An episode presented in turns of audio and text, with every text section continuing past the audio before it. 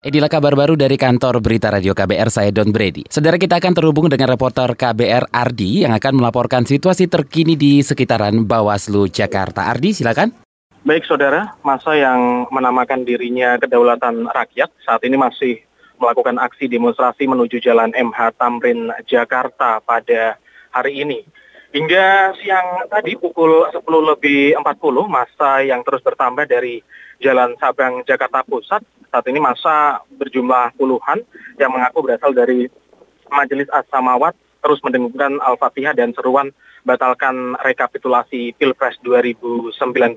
Pantauan KBR hingga saat ini kepolisian masih melakukan barikade di seluruh simpang Tamrin untuk menghalau masa yang berencana menuju kantor Badan Pengawas Pemilu. Kami sampaikan dari Jalan MH Tamrin untuk saudara bahwa masa yang berasal dari kelompok Asamawat mena, menya, menamakan dirinya adalah kedaulatan rakyat dan saat tadi menyampaikan orasinya di depan barikade kepolisian juga melakukan sujud untuk mendoakan agar pasangan calon nomor urut 02 memenangkan pemilu.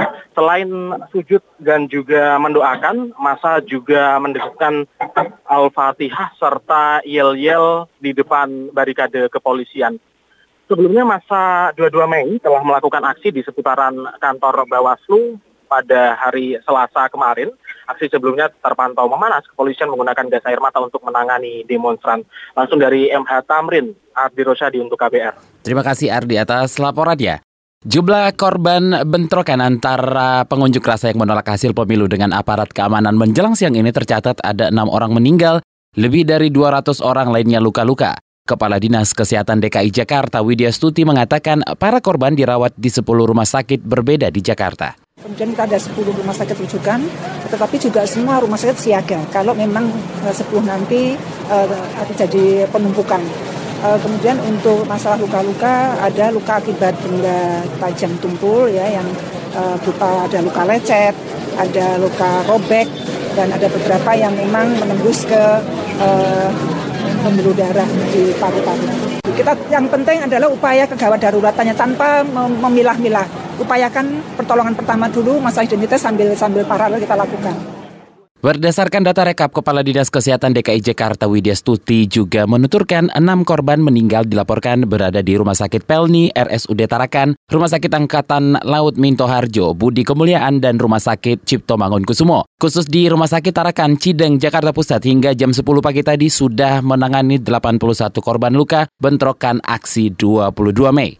Saudara rilis yang diterima KBR dari PT Kereta Komuter Line Indonesia atau KCI menyebutkan para pengguna KRL Komuter Line yang hendak naik dari stasiun Tanah Abang dan Palmerah maupun bertujuan ke stasiun tersebut disarankan untuk mencari alternatif stasiun lain untuk stasiun keberangkatan atau tujuannya. Hal itu karena kondisi stasiun yang sangat padat oleh pengguna sehubungan penutupan sebagian akses jalan di luar stasiun. Menurut juru bicara PT KCI Ane Purba, untuk pengguna dengan tujuan stasiun Palmerah bisa menggunakan stasiun Kebayoran. Sementara pengguna dengan tujuan stasiun Tanah Abang bisa menggunakan stasiun Karet, Sudirman maupun Duri. Perjalanan KRL hingga saat ini tetap melayani naik turun pengguna di stasiun Palmerah maupun stasiun Tanah Abang, termasuk untuk pengguna yang hendak transit maupun yang hendak berpindah KRL dan kembali ke arah stasiun keberangkatan awalnya.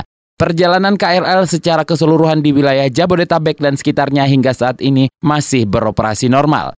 Tim kampanye nasional TKN Jokowi Ma'ruf menyambut baik kalau Partai Amanat Nasional dan Partai Demokrat bergabung ke koalisi Jokowi Ma'ruf. Juru bicara TKN Arya Sinulinga mengatakan kalau benar PAN dan Demokrat akan bergabung, hal itu bukan sesuatu yang diharamkan. Bahkan hal itu baik untuk bersama-sama membangun bangsa dengan mendukung pemerintahan Jokowi hingga lima tahun mendatang. Kita memang mau rangkul semua partai ya. Gerindra pun akan kita rangkul untuk sama-sama membangun bangsa ini gitu. Jadi itu kan sesuatu yang harus diharamkan gitu. Karena kita ingin selesai pilpres ini kita bersatu lagi gitu.